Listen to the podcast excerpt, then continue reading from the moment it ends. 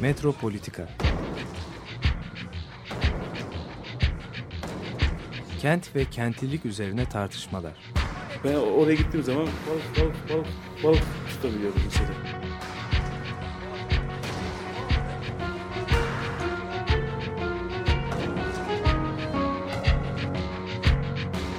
Hazırlayıp sunanlar Aysin Türkmen, Korhan Gümüş ve Murat Güvenç.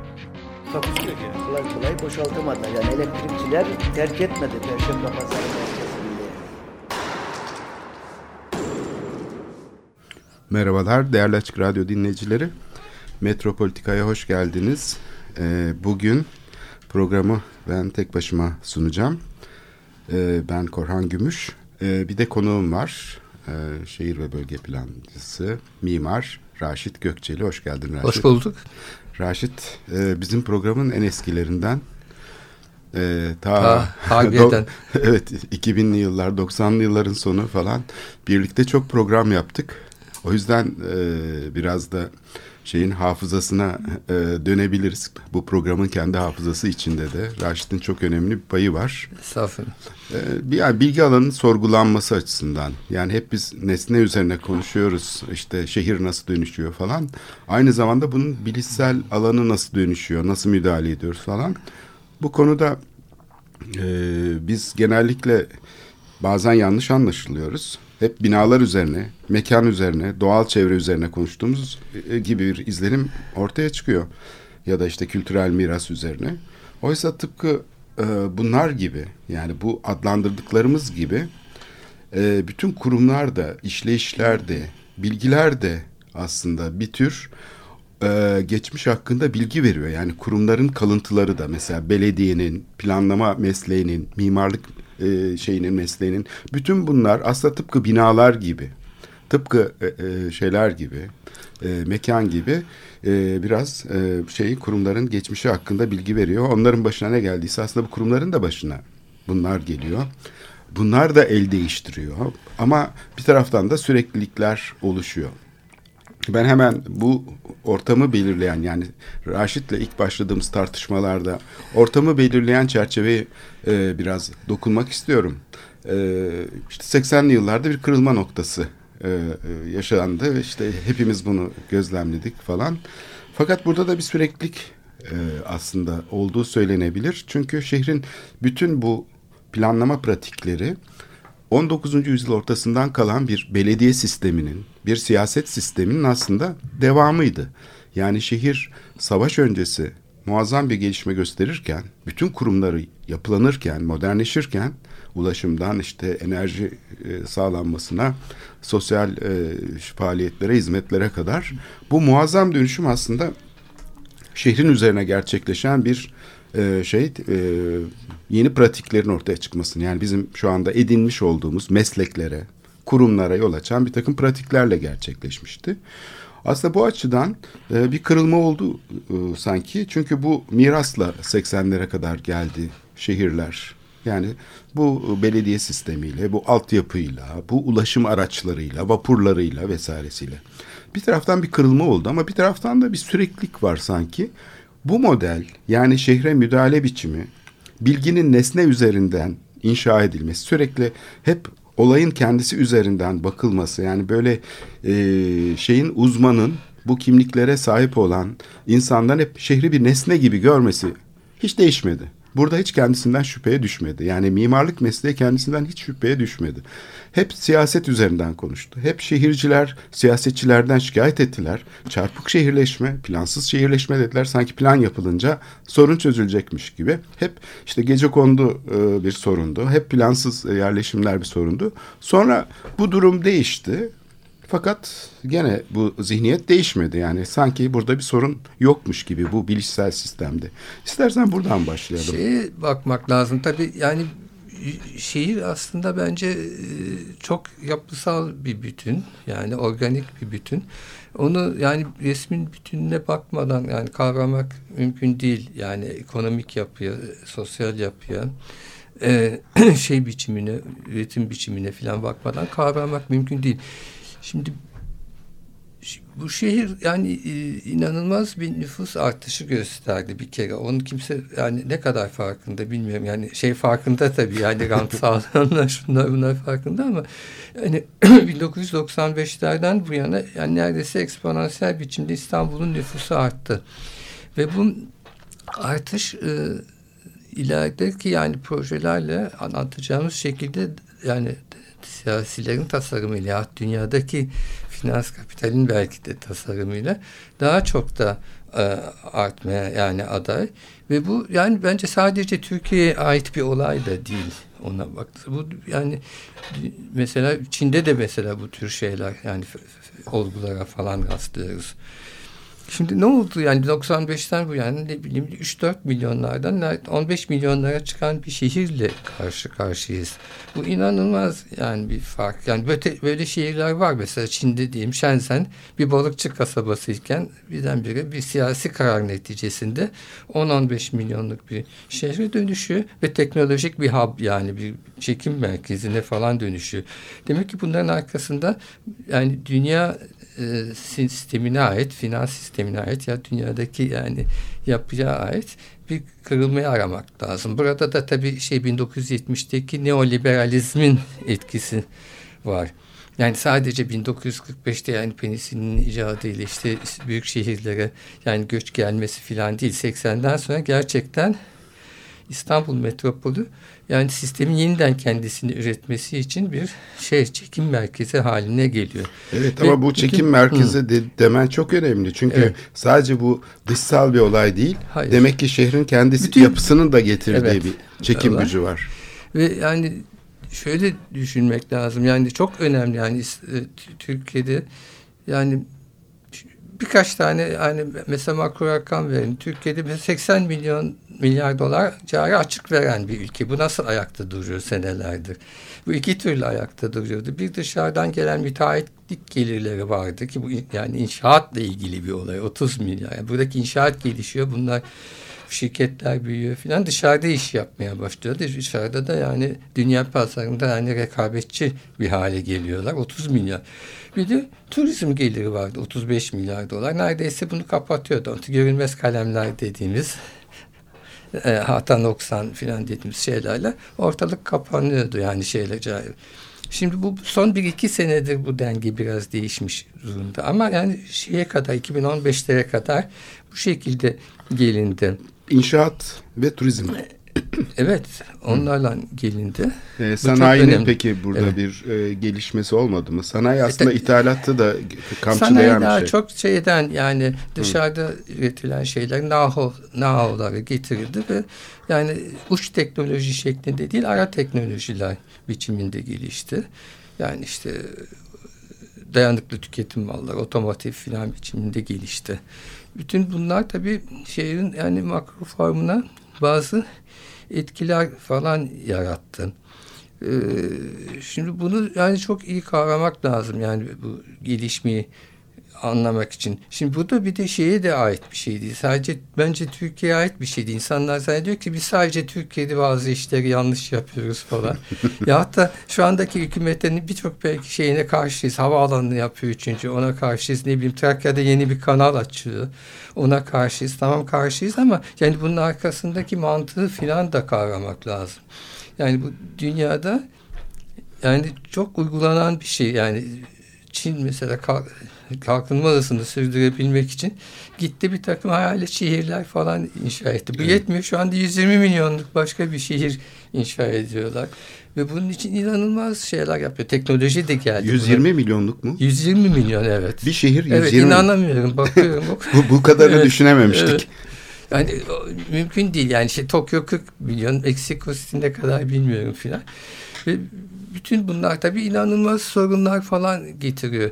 Ama o sorunları yani çözmeyi biraz hep ikinci plana atıyor. Yani bazı şehirler artık o sorunları artık o kadar yani şey yumurta kapıya dayanıyor ki çözmeye çalışıyor. Mesela Tokyo'da iklim 3 derece artmış felaket. Yani sıcaklık, e, Sıcaklık, ortalama ha. sıcaklık 3 Ha, derece. Buldukları çarelerden bir tanesi ne kadar çatı varsa gökdelenlerin bilmem ne üstüne yeşillik yapıyorlar.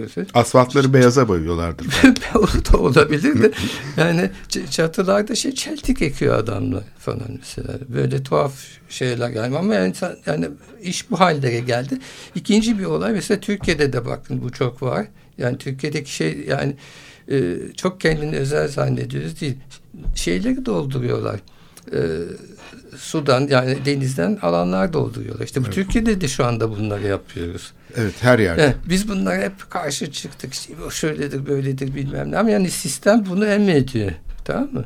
Karşı olsan da olmasan da. Ha buna karşı nasıl çıkılır meselesi çok ayrı. Yani bir sivil toplumun ya hükümet dışı örgütlerin gelişmesine bağlı. O ne kadar olabiliyor? Fiyat olabiliyorsa Türkiye'de yani bunun önünde ne tür e, şeyler var, engeller var. O ayrı bir konu. Orada biraz daha Bizim programın durumu. başlangıcına yol açan e, şey tam Evet. problematik de bu sözünü ettiğin Evet. şeydi. Evet. Niye Türkiye'de bu e, düşünce üretimi bağımsız değil? Hep bağımlı bir işlev olarak hem sermayenin hem de iktidarın gölgesinde şekilleniyor. Yani nasıl olabilir de bu bilişsel alan kritik hale gelebilir, çoğulcu hale gelebilir ki iktidarın şiddetini, şehvetini diyelim engelleyecek. Yani bütün bu dolgu alanları olsun işte bu mega projeler falan. Buradaki şeyi önemli olan içerik üzerinden biz buna karşıyız deyip Burada tuhaf e, belki bir şey nesne- söyleyeceğim ama Heh. belki bu kültür, kültürün yani kültürün oluşmasına bağlı bize bu kültür yok. Şimdi e, son Fransız seçimlerini mesela inceledim. O çok enteresan seçim yani hem orada işte solcu bir aday Mélenchon diye bir adam çıktı. Adam eski bir felsefe profesörü bir şey. İnanılmaz bir hatip yani. Ve gitti yüzde on dokuz filan oy aldı. Yani Hiç yoktan bir- yani. hiç sıfırdan Tanınmayan böyle. bir kişi. Sosyalist Parti gitti şeylerde yerlerde Silindi. falan süründü tabii yaptı rezillikler sonucu. Adam hiç yoktan gitti bütün kocaman bir kitleyi falan toparladı arkasına. İşte bu şeyi de ismi de çok enteresan. Boyun eğmeyenler. Les Insoumis diye bir isim taktılar kendilerine. Fi diye bir de iş- işaretleri var Yunanca'dan gelen böyle adamların şeyleri yani mesela at veya eşek veya başka bir şey değil hanımefendilerin. Fi. Evet.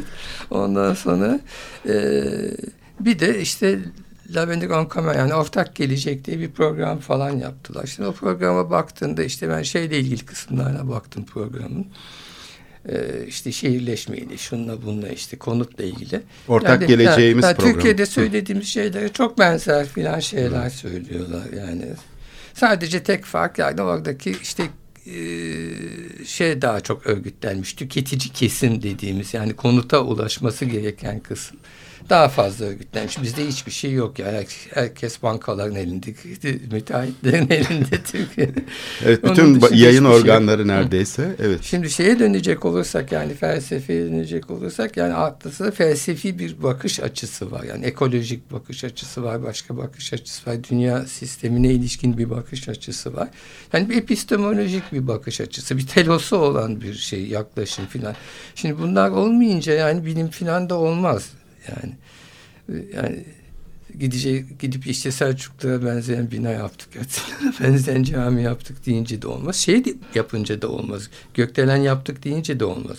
Yani hiçbir şeyimiz eksik değil ki. Çok yani yetenekli mimarlarımız var. Gökdelenleri yani yapılan gökdelenler en meşhur mimarlar. Kolay değil değil mi onları inşa etmek? Yani Hiç değil. işçilerin hakkını yemeyelim. O yükseklikte çalışmak ben hep bunu düşünmüşümdür. Yani ne korkunç, Yani o, o Evet. vincin tepesindeki Evet, operatörden evet, başlayarak evet, yani evet, o gökdeleni yapan vincin tepesine her gün gidip sabah 8'de oraya çıkıp çalışmaya başlayan bir kişinin hayatını düşünüyorum. Ya da işte bu inşaatta çalışan yani o kalıp tahtasının üstünde yürüyerek bir uçtan öbür kolondan bir kolona giden ben bunu gözlerimle Yani o görünce sirklerdeki artistler halt etmiş. halt etmiş şey- ve bunu Evet. bunu asgari ücretle falan böyle yapan Asgari ücretli değil çok iyi ücret alıyorlar o şeyde. operatör tamam, şeyler İnanılmaz teknik bilgiye sahip haiz olanlar O tamam. bilmem kaç 50 metre 70 100 metre yukarıda putrellerin üstünde yürüyen o tipler çok acayip ücretler alıyorlar ama ne ücretler karşısında senin insanın hayatı var. Gerçi bağlı adam bir şeyinden ama ne bileyim boynu kopar şeyi belki kemiği kopar bir şey olur. Evet, Yani- yani çok kaza oldu De- zaten de- ama evet. ya burada e, şey bir de orada oturanları da düşünüyorum ben açıkçası. Yani sadece o binaları yapan emeğin, iş gücünün e, nasıl bir iş gücü olduğunu hayretler içinde izlerken bir taraftan da gidip mesela o binanın böyle ışık yanan köşesindeki bir şeyini her akşam işten çıkıp oraya gidip yatıp sonra sabah oradan kalkıp tekrar işine giden insanların da ruh halini düşünüyorum. Yani nasıl bir bizden yani belki yani hepimizin başına benzer şeyler geldi. E, apartman hayatının başlaması mesela çok büyük bir kırılma değil mi şehirde? Onun gibi bir şey belki bu da. Enteresan yani çok ama yani sadece bu değil yani tabii birçok e, sektörde adam gidiyor ne bileyim bir atom santralinde çalışıyorsa da risk altında başka şeylerde yahut da gidiyor bilmem ne e, salgınıyla Ebola salgınıyla uğraşan bir doktor da aynı şekilde bir risk altında. Bence yani emek daima Evet. yaratıcılık daima risk altında.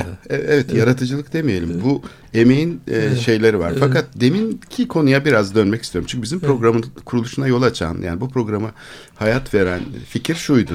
Yani bu iktidar dediğimiz şey tek bir toplumsal tabakadan oluşmuyor. Yani iktidar tek bir şey değil. Bunun içinde farklı toplumsal tabakalar çekişme halinde. Ve biz çoğu zaman şey yaptığımız zaman, şehre baktığımız zaman ya da başka konulara baktığımız zaman bu toplumsal tabakalardan birinin görüşünü ödünç alıyoruz ya da onun içinde yaşıyoruz. Ya onu sorgulamıyoruz. Bu doğallaştırılmış bir iktidar alanında yaşıyoruz hepimiz. Yani bu bilişsel alanı paylaşan insanlar olarak mimarlar, şehir plancıları e, biz hep e, aslında bir şey üzerine, nesne üzerine konuştuğumuzu zannediyoruz. Bir kamu yararı şeyini temsil ettiğimizi düşünüyoruz. Başkaları için neyin doğru olduğunu, neyin yanlış olduğunu bildiğimizi zannediyoruz. Bu aslında doğallaştırmaya yol açıyor. Yani kendimizi çok fazla sorgulamadan hep öteki tarafı sorgulamak. Yani bu iktidar e, tabakalaşması içinde aslında bir çekişmeye de işaret ediyor olabilir. Bugün he- hele bunun emareleri fazlasıyla ortaya çıkmış e, durumda. Mesela siyasetçilerin bu planlama disiplinini ciddiye almamaları. Yani bu hani 2009 yılına kadar bu idare etti. 2009 yılında İstanbul'un metropoliten planlama e, şeyi e, tam bir e, şey oldu. Yani burada bir kırılma noktası yaşadı. E, kentin anayasası olacağı defalarca söylenen bütün belediye dergilerine bakın. Ön sözde söyleniyor. Bu şeyde değil, içinde değil. Anayasamız hazırlanıyor. Bundan habersiz çivi çakılmayacak denen şey bir günde çöpe atıldı. Deprem master planına bak. Yani bunun için Türkiye'nin en büyük üniversiteleri çalıştı. Yıllarca emek harcandı. Muazzam yani bir üniversite kuracak kadar para harcandı. Ondan sonra unutuluverdi. Yani buna hatta belediye bunu billboardlarında tanıttı, tanıtmasına rağmen kendisi unuttu. E, demek ki e, bir şey var. Bu toplumsal tabakalar arası bir iktidar karşılaşması içinde görünmeyen bir şeyler var. Şimdi şeyi unutmamak lazım. Yani buradaki yani Türkiye'de hiçbir şey jeopolitik durumdan bağımsız oluşmuyor. Yani iç dinamiklerle bir şeyler oluşuyor zannediyoruz. Hayır 1945 San Francisco konferansından sonra tek parti döneminden çok parti dönemi geçtiğimizden beri, beri her şey dış yani konjonktür tarihçiler gibi konuşuyorsun. Yani hem oldu dış burada. konjonktür Evet, ama evet. bir taraftan da Yani biliyorsun e, bir de e, tarihte yeni bir sayfa Evet. daha açıp e, tam tersine hani bu şeyin içindeki e, etkiler yani e, bazen küçük olabilir ama e, toplumsal toplumların mesela şeye direnme biçimi, neoliberalizme direnme biçiminde bu etkiler iç etkiler diyelim çok önemli. Yani ulus devletlerin kendi içindeki direnç mekanizmaları, bu iktidar alanındaki e, temsil dışı aktörlerin rolü çok önemli mesela. E, tabii önemli. Yani şu anda yani Türkiye'de de yani iyi kötü bir sivil toplum oluşmaya başlıyor ama esas şeyi unutmamak lazım. Yani esas problem yani her şeyin dış konjonktürle oldu. Yani iç konjonktürde cereyan eden olaylar tabii olayın yani senaryosunu çok fazla değiştirebilir.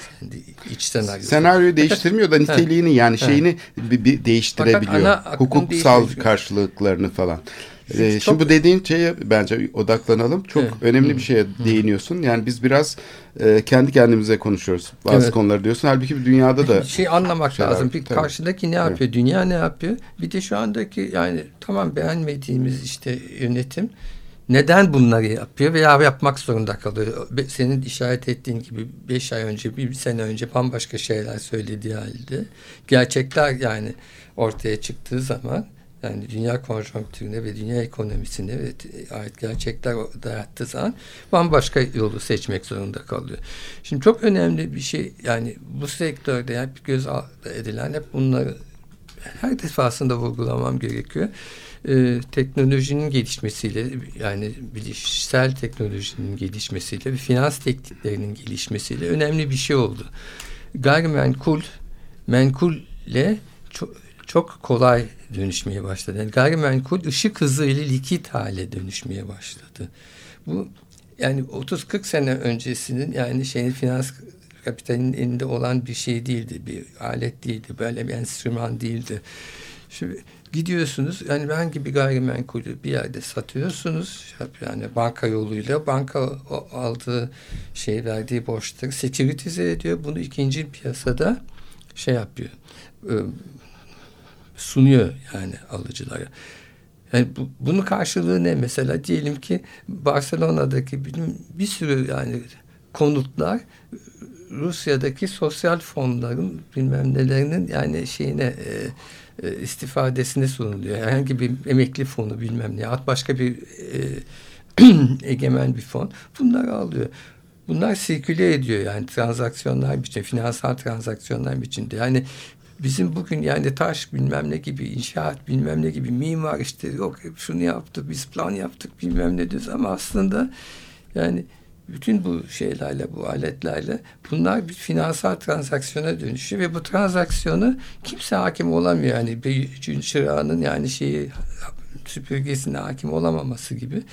Birdenbire bu transaksiyonlar yavaş yavaş mafyanın kontrolüne geçmeye başladı. Devletler yani kendi merkez bankalarına hakim olamamaya başladı.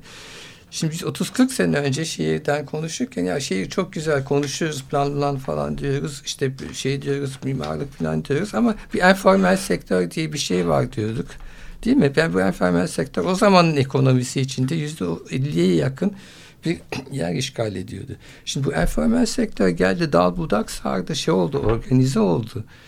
Dünya çapında organize oldu ve bir güç oldu ve yani devletleri, hükümetleri, Avrupa Birliği'nin, Amerika her şeyi kontrol altına alan bir kimin yönettiği belli Kimsenin olmayan. kontrol edemediği evet. bu vergi cennetlerinde kimin eli kimin cebinde İngiltere yani kendi bütçesine hakim kim bilmem Fransa hiçbir şeyi bilemiyorsunuz. Bizde de işte bunlar yani geliyor. Gayrimenkul sertifikasını nihayet yani çıkartabildik. Yani 2005 senesinde bu işte Abdülatif Şener uğraşıyordu. Maliyeciler, maliye bürokrasi aman vergi ödenmesin bilmem ne diye engelledi. 15 sene sonra neyse nihayet çıkabildi. 12 sene sonra falan. Yani Türkiye'de bu yola gidiyor şiddetli. Rantı vergilendirmeyi yani mi kastediyorsun? Tabii, gayrimenkul sertifikası yani gidecek o da yani Türkiye'de de yani şey aldığı gibi yani altın alır gibi ya bilmem ne yani paranı bilmem bankada repoya ya bir şey faiz bilmem ne yatırır gibi gayrimenkul sertifikası alabileceksin ve enstrüman haline ha, geliyor. Yatırım aracı olarak evet. el değiştirebilecek. Evet. Tasarruf yani, şey konut finansmanının tabii. E, şey yapılması. Bu da tabii konut finansmanını çok şey yapıyor çünkü bunlar yani e, gelişmiş ülkelerde gayri safi milli hasılanın inanılmaz oranlarına falan erişiyordu. Türkiye'de daha gelmedi. Türkiye'de daha borsanın oylumu yok, hiçbir şey yok. Yani yani daha hangi noktaya gittiğimizi bence plancılar falan da tahmin edemiyor. Senin bahsettiğin o güzel planlar yapılıyor. Yani billboardlarda ilan ediliyor. Ama burada da gerçekler geliyor. Dünyanın gerçekleri geliyor. Hepsini bir günde bir tsunami gibi alıp götürüyor. Evet onun e, evet. yani e, bir uyur gezerlik hali var. Evet. tamam. Yani yapılıyormuş gibi insanlar evet. düşünüyorlar ve inanıyorlar da. Bizim, yani bunu e, öyle bir şekilde evet. e, kabul ettiriyorlar ki evet. Yani kendileri de belki sonunda bir şey yaramayacağını biliyorlar ama bunu iddia ettikleri belki sürece bilmiyorlar bile yani. Kendilerini var ediyorlar ama bu şekilde. Yani işte araştırma yapıyorlar, evet. maaş alıyorlar. Ha. Yani kendilerini yeniden üretebiliyorlar bu iddia sayesinde. Evet. Kendi iktidarlarını tesis edebiliyorlar. Evet. Ama bir işe yarıyor mu, yaramıyor mu? Acıktı, orası. tabii. Şimdi bu zaten biraz da burada e, ya bu hakimiyet sürecinde siyasetin de bu tip mega projelerle iş görmesinde e, kendisine bir e, şey yaratmasında bu merkezi sistem içinden bu müdahalenin şehir ölçeğine taşınmasında e, bir kontrol ihtiyacı da var. Siyasi kontrol. Çünkü bunu yapamayınca medyayı elinden kaçırıyor. Yani geçmişte işte iktidar işte üçüncü köprüye karşıyım falan filan derken birdenbire birkaç yıl içinde ayakta kalamayacağını fark edince yani bu gelen güce karşı e, kendisi onunla işbirliği yapıyor. Ben şeyde çok fark ettim hani belediye başkanlarını biz suçlarız projelerde. Mesela bu Taksim projesi yıllarca karşımıza çıkmıştır hep e, bu tünelli proje ki o yüzden çıktı asıl tartışma. Yani benim bildiğim bileli yani öğrenciliğimden beri hep var. Beş kere karşımıza geldi ve beş kere mücadele ettik değil mi? Taksim platformu olarak falan. Geçmişte beş kere aynı proje. Evet. Hiçbir farklılık yok yani. Ve bunu yapanlar bütün meydanlarına şehrin aynı projeyi öneriyorlardı. Ve yaptılar da çoğunu. İşte Eminönü'nde yaptılar. işte Sütlüce'de yaptılar falan. Ee, pe- peki belediye başkanları neydi? Belediye başkanı siyasetçi aslında sanki yani bizim gibi sonradan haberi olan bir kimse gibi bile görülebilir. Tabii ki işin içinde ama yani öyle bir kurumsal işleyişi var ki o sanki bunun sadece görünür bir şey oluyor. Yani böyle e, şey temsilcisi. Bence çoğu bu işlerin Hı. farkında falan bile değildi. Yani biz Mimarlar Odası 77-78'de e, bu yerel yönetimlerin iktidara gelmesi, yerel yönetimlerin yani yap, yapısıyla ilgili birkaç seminerler yapmıştık. O zaman biraz incelemeye çalıştık ama o zaman çok farklıydı durum yani o yani neoliberalizmin yeni çıkış seneleriydi. Daha bu işin bu hallere geleceğini, bugünkü perspektifi göremiyorduk yani. Ama o zaman bile şeyi hatırlıyorum ben rahmetli Dalakay'dan yani şöyle bir şey gelmişti bir e, gözlem iyi bir belediye başkanı eğer bir şeye hakim olmak istiyorsa mafya ile ilişkilerini güzel tutmalı falan gibi böyle. Öyle mi demişti? Evet. İnanılmaz bir ya. şey. Evet. İkinci elden duyduğum bir söz ama enteresan.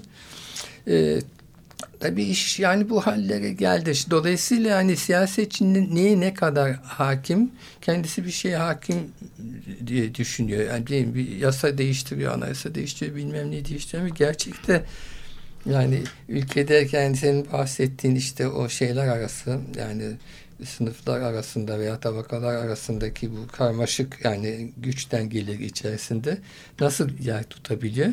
O pek belli değil. Yani onu yani o işe zaten kimse tek başına da hakim olamıyor. Yani bu kadar büyük bir devasa bir şeye. Ancak yani kısmen yani şey yapabiliyorsun yani belli bir organizasyonu bir, bir süre iktidarda belki tutabiliyorsun ama bir noktadan sonra o senin tuttuğun organizasyonda belki lav etmek zorunda kalıyorsun. Yani şu anda belki Türkiye'de de yapılan o yani şu anda yani mevcut e, yani bütün sistematik değişiyor yani sadece yani muhalefet partileri falan şey yapılmıyor ki dağıtılmış olmuyor ki yani şey iktidardaki partinin de bence yapısı değişiyor. Ha, şimdi burada nasıl oturacak yani yeni güçler? Kim nerede nasıl rol alacak çok belli değil. Şimdi bir model vardı. Evet. Burada rahmetle analım. Ahmet İsvan'ı e, evet. geçen gün kaybettiğimiz aslında bildiğimiz belediye modelinin herhalde en uygun temsilcisi yani sistemin e, belediye sistemini e, şeyiyle savunan yani bütünüyle ve onun dışında kalan da hep e, çaresizlik olarak gören yani hep e, sorunu şeyin içinde tanımlayan o legal alanda tanımlayan son derece e, dürüst ve şey bir belediye başkanı olarak herhalde İstanbul tarihindeki son e, belediye başkanı olarak görülebilir e, bu şekilde şehri yöneten bildiğimiz belediyeciliğin ama o zamanki İstanbul düşün yani evet. 3 milyon bile değil yani Buna rağmen evet, işte çöplerin evet, toplanmasında, evet, maaşların evet, ödenmesinde sürekli evet. kriz yaşıyor. Bütçe yok, şey yok diye sürekli rahatsız olduğunu dile getiriyordu.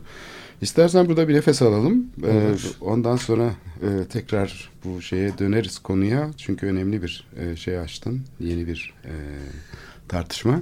Oradan devam ederiz. Brian Eno'dan dinliyoruz. Ho Renomo.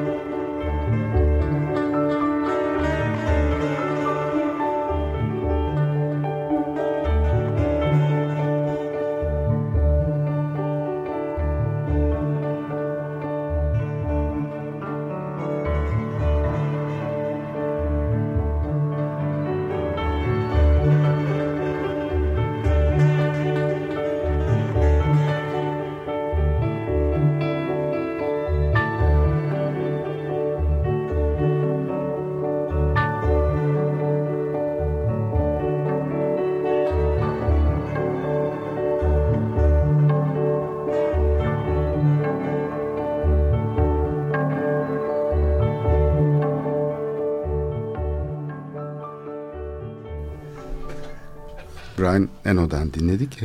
Renamo. E, Metropolitika devam ediyor 94.9 Açık Radyo'da. E, ben Korhan Gümüş. Konuğum ise Raşit Gökçeli. Bölge plancısı, mimar. E, Raşit'le e, şeyin e, bir hem bizim programın da eskiden beri katılımcılarından biri olduğu için bir gözden geçirme yapıyoruz. E, şehrin dönüşümüyle ilgili. Biraz evvel şeyden söz ettin işte bu e, likit hale evet. gelmesi, gayrimenkul evet. meselesinin aslında sanki kağıt alıp satar gibi bölünerek, evet. dağılarak, nereye gittiği belli olmayacak şekilde finanse edilmesi. Mesela şimdi bir örnek verelim. Açık Radyo'nun da bulunduğu bölgede muazzam bir dönüşüm yaşanıyor. İşte sahilde e, kazıklar çakılıyor falan. E işte muazzam bir inşaat alanı haline getirildi burası ve yani böyle şey falan da yok yani acayip gece gündüz çalışılıyor. Diğer taraftan da küçük işletmelerin de el değiştirdiğini görüyoruz.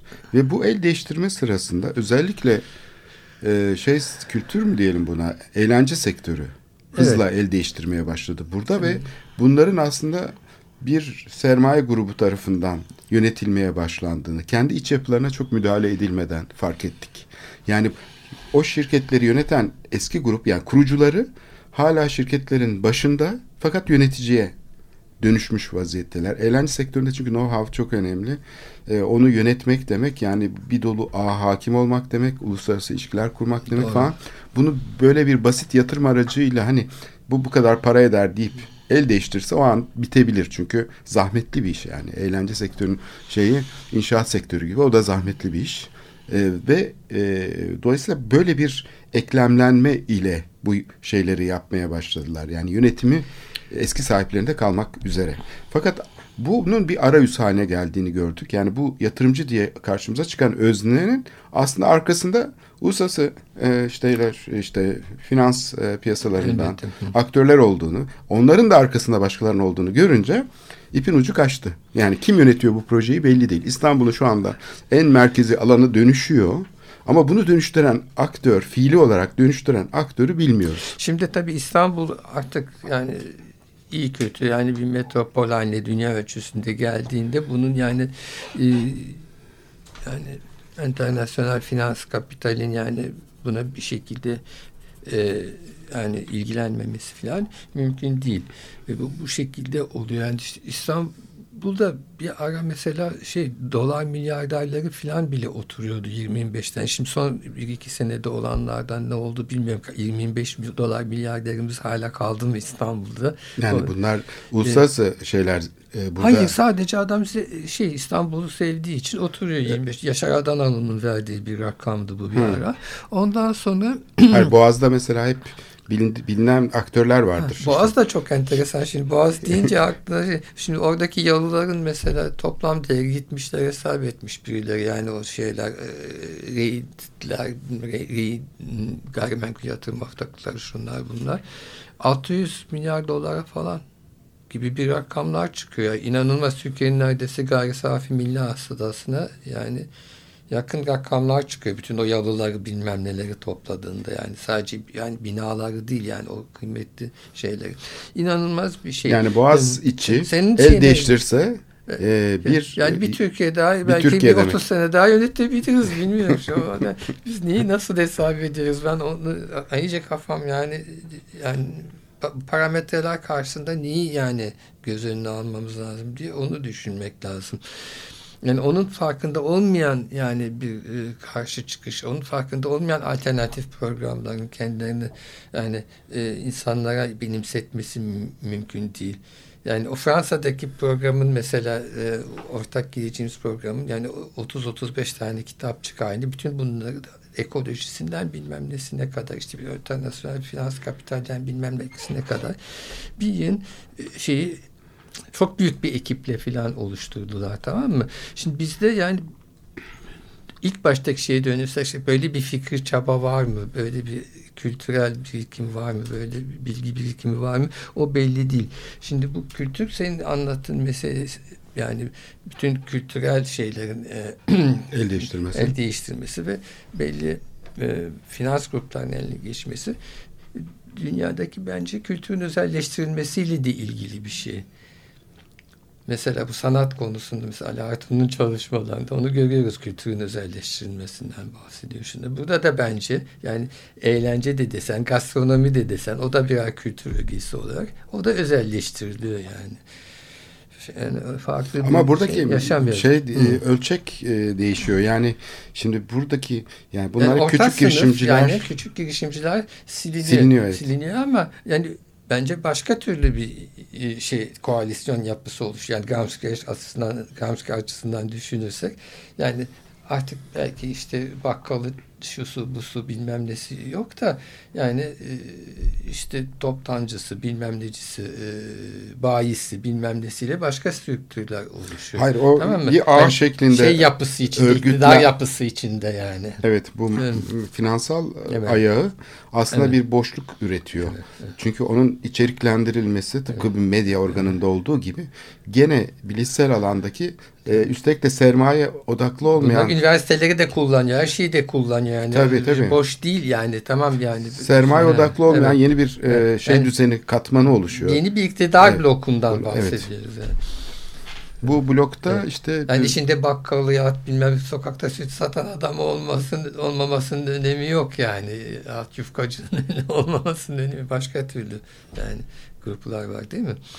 Evet bu yani İstanbul'un bu cazibesine kapılıp e, birçok e, insan tekrar şehire e, gelmeye başlamıştı. Yani burada aslında bir tür şey oluşmuştu. Bu Tophane bölgesi bunun Evet. e, aslında avuç içi gibi ama şeyin çok göstergesi. Yani bütün her yerde İspanyolca konuşuluyor, işte İngilizce konuşuluyor falan, İtalyanca konuşuluyor. Tekrar Levanten bir hayat tarzı. 1920 İstanbul'unun yani bir replikası gibi daha değişik. Öyle bir gelişme Evet. e, hissediliyordu değil mi? Burada sokaklarda Bir ara oldu. Şimdi şu anda bence yaşadığımız e, çok uzun süreli olup olmayacağından emin değilim yani. aslında hiçbir Ama- şey belli değil. Evet.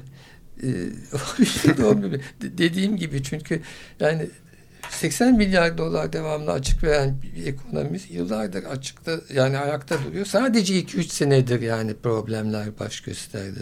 O nereye gidecek? Mesela enflasyon yükseliyor, dolar düşüyor. Mesela doların da yani eskiden olduğu gibi çifte bir fiyatın gizli gizli oluştuğunu düşünmeye başlıyorum. Ekonomistler hala bu konuda bir şey söylemediler.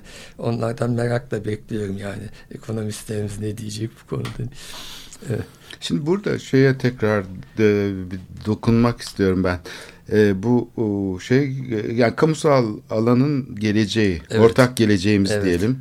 Ortak zeminimiz, kamusal alan işte hepimizin O ortak çok zemini. önemli. Kamusal alanın kaybolması hakikaten yani bir felaket. Atom bombası düşmüş gibi oluyor bir yer yani. Evet, o Roman- eski kamusallık Evet. biçimi. Yani ilk Evet. belediyenin kurulduğu 1857'lerdeki işte şeyden 1850'lerden sonraki diyelim kamusal alan tanımı son derece dar, teknik bir kamusal alandı. Yani köpekleri, sokak köpeklerini topla, götür e, hayırsız adaya orada onları çözülmüş oluyorsun. İşte şeyi topla, suyu topla, atık suları şeye götür denize at. E, çöpleri topla git şehrin dışına Evet. taşı. Şimdi bu kadar basit bir kamusal alan tanımı vardı. Ama onun dışında temsil edilemeyen bir kamusal alan daha vardı. İşte O tenalaşmak, gentrification'da filan ortaya çıkan meseleler şimdi bambaşka. Yani bu kamusal alanın yok olması nasıl bir şey biliyor musun? Şehire bir nötron bombası atmış gibi oluyorsun. Evet. İnsan kalmıyor, şehir görüyor. İşte Ama Sulu o şehir mesela. değil mesela tamam mı? Evet, Sulu Kule'de şimdi Evet, bir yaşam caizse. hayal Evet, etti. Tamam evet, bu klasik e, şehircilik projesi olarak evet, bakınca yani işte mimarlar oturuyorlar gayet güzel. Buradaki insanlar hani öğrenci projesi vardır ya böyle Tarlabaşı işte Sulu Kule işte Ayazma falan. Buralarda böyle bakıyorlar insanlar şey hani çok iyi koşullarda yaşamıyorlar. İçinde hobi odaları olan, altında iki araçlık otoparkı olan villalar yapınca Sulukule halkı kalkınacak. Böyle bir hayal e, kurarak e, bu sosyal bir proje. Bizi ikna etmeye çalışıyorlardı. Hatırlarsın sen bu Sulukule projesini sunan Rezalet, evet. mi- mimarlar böyle bir montaj yapmışlardı. Sulukule'nin üstüne bir montaj yapıp başka bir hayatı kurgulayacaklar. Böyle şey doğaüstü bir güçle falan. E, Şimdi gidiyorsun sokaklar bomboş, bambaşka bir şey oldu. Yani şeyden başlayarak şehirde yapılan bir tür bu yani bu tip müdahaleler e, şehri aslında Bir Şey, işte lobotomi ameliyatı geçirmiş Evet. gibi oluyor şey. Yani adam lobotomi ameliyatı geçirme adam nasıl oluyor böyle bir paçağı var. Öyle bir şey Ama oluyor. geçmişini de yani insanlar mesela bu dönüşümü yaşarken ne bileyim ben hani tarlabaşı yıkımlarını işte e, şeyleri falan yaşamış Haliç yıkımlarını yaşamış insanlar bu Haliç'te bugün mesela aynı şeyler tekrarlanıyor. Bugün Hasköy'de işte içinde böyle filantrop geçinen yani hayırsever geçinen e, girişimciler de var.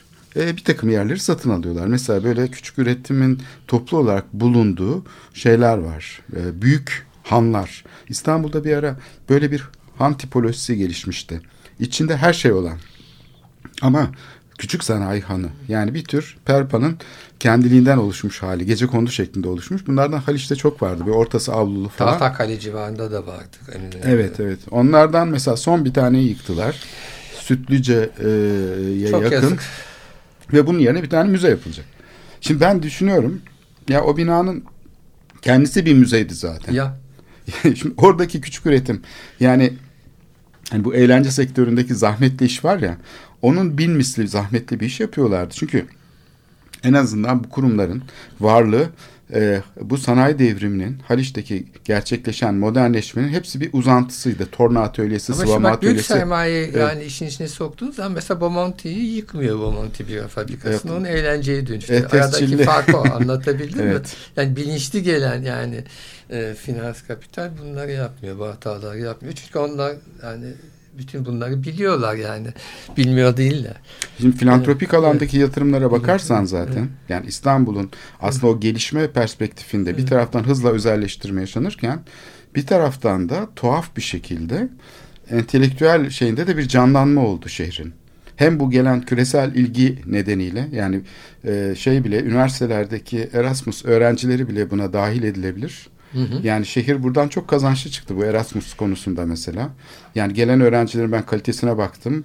Ee, kendi ders verdiğim e, şeylerde e, ilişkilerine baktım. Yani buradaki İsabet öğrencilerin olmuş, evet. E, çok isabet. Buradan giden öğrencilerin şeyleri e, dünya görüşleri değişti falan. Bu iyi bir karışımdı. Yani bugün bilmiyorum artık e, nasıl devam edecek ama e, şimdi bir taraftan şehir böyle bir nefes alır gibi oldu. Yani bazı alanlarda e, bir takım yeni fikirler, yeni konular tartışılmaya başlandı. Yayınlar yani eskiden ya ben öğrenciliğimde fotokopi çekmekle geçerdi hayatım. Çünkü gidip Fransız kültürden ya da işte bilmem nerede bir kitap gelirdi.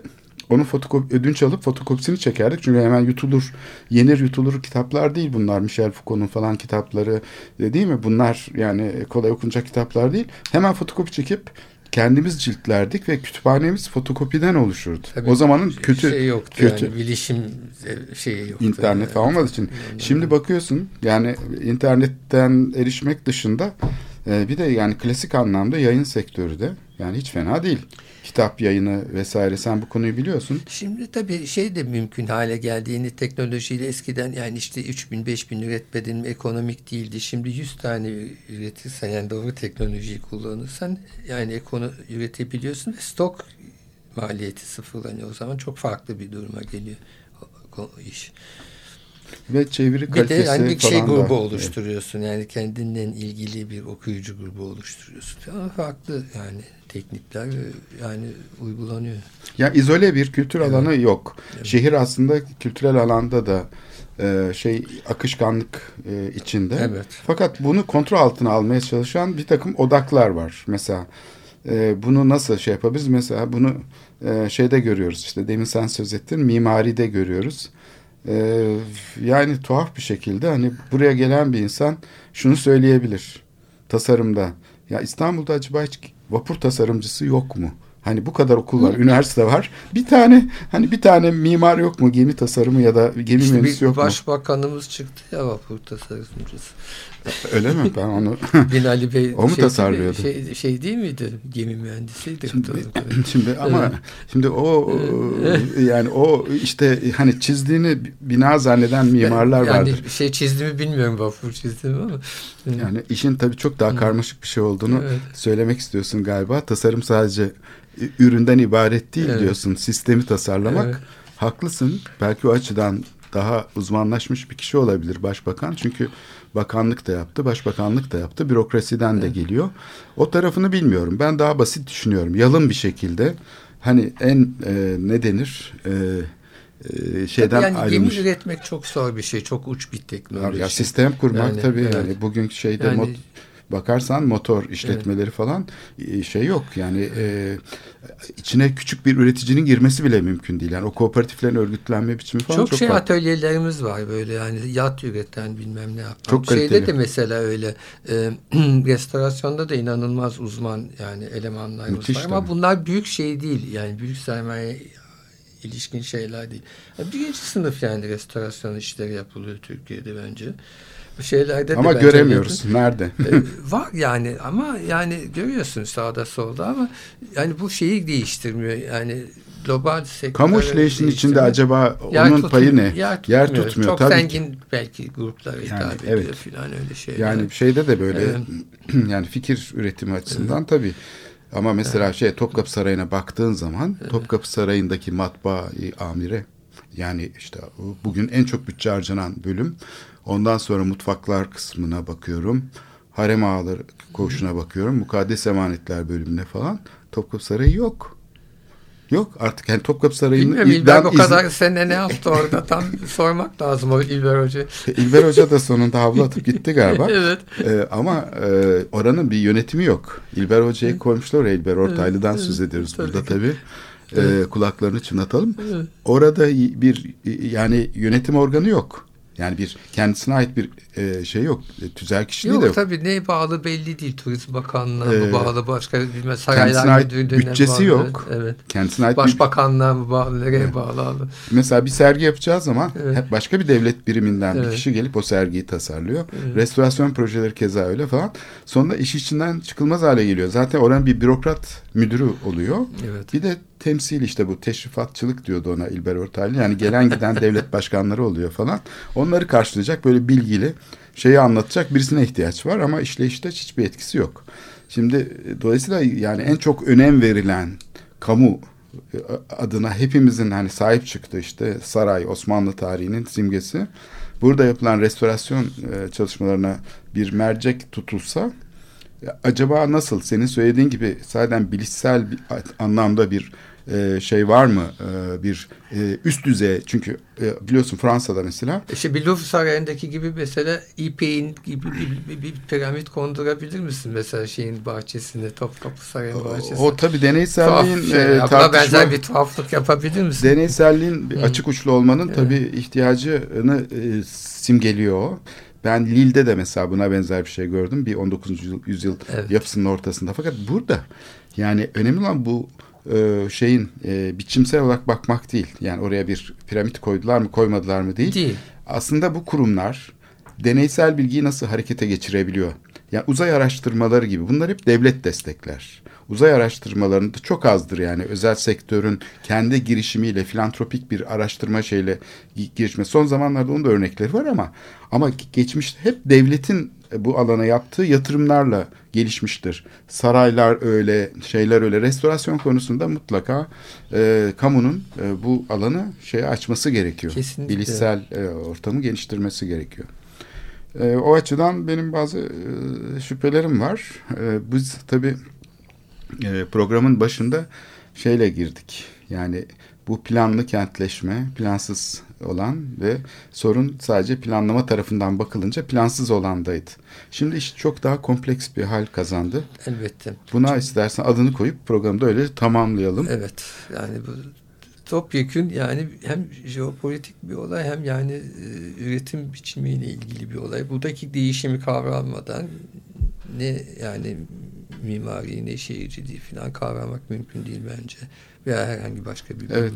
Sorun e, uykusuz vaziyette e, her şeyi biliyormuş gibi nesne üzerinden konuşmak değil, Değil. biraz da rüya görmeyi ve düşünmeyi O çok önemli çalışmak. yani bir şey bir projesi bir ütopyası Evet. olması yani yani bir- böyle bir muhalefetin oluşabilmesi lazım bizde de yavaş yavaş belki de oluşuyor. evet bilmiyorum. iktidar şehvetinden Hı. kurtulabilecek bilişsel bir alan, mimarlık ve Hı. şey hem iktidar e, Yani şehvetinden günlük işte hem de- mecliste el evet. 500 kişi mi 600 kişi mi olmalı Evet. filan çok ötesinde yani konuda. Evet. Belki de işte Açık Radyo'nun kuruluşundaki e, problematiği e, bugün güncel hale getiren şey de bu. Bağımsız bir Bence Açık Radyo bu konuda iyi işler yaptı. Evet, belki çok az örnek. En azından ekoloji konusunda çok iyi işler. Evet. Programı burada nihayetlendiriyoruz. Oldu. Ee, çok teşekkürler Rica Raşit ederim, Ben Gökçeli. teşekkür ederim. Ee, tekrar görüşmek dileğiyle. Hoşçakalın. Evet, iyi günler.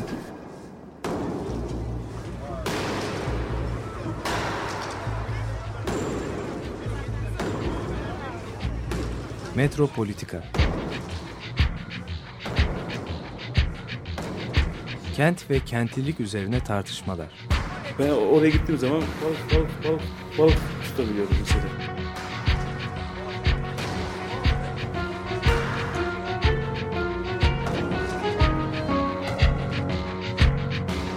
Hazırlayıp sunanlar Aysin Türkmen, Korhan Gümüş ve Murat Güvenç.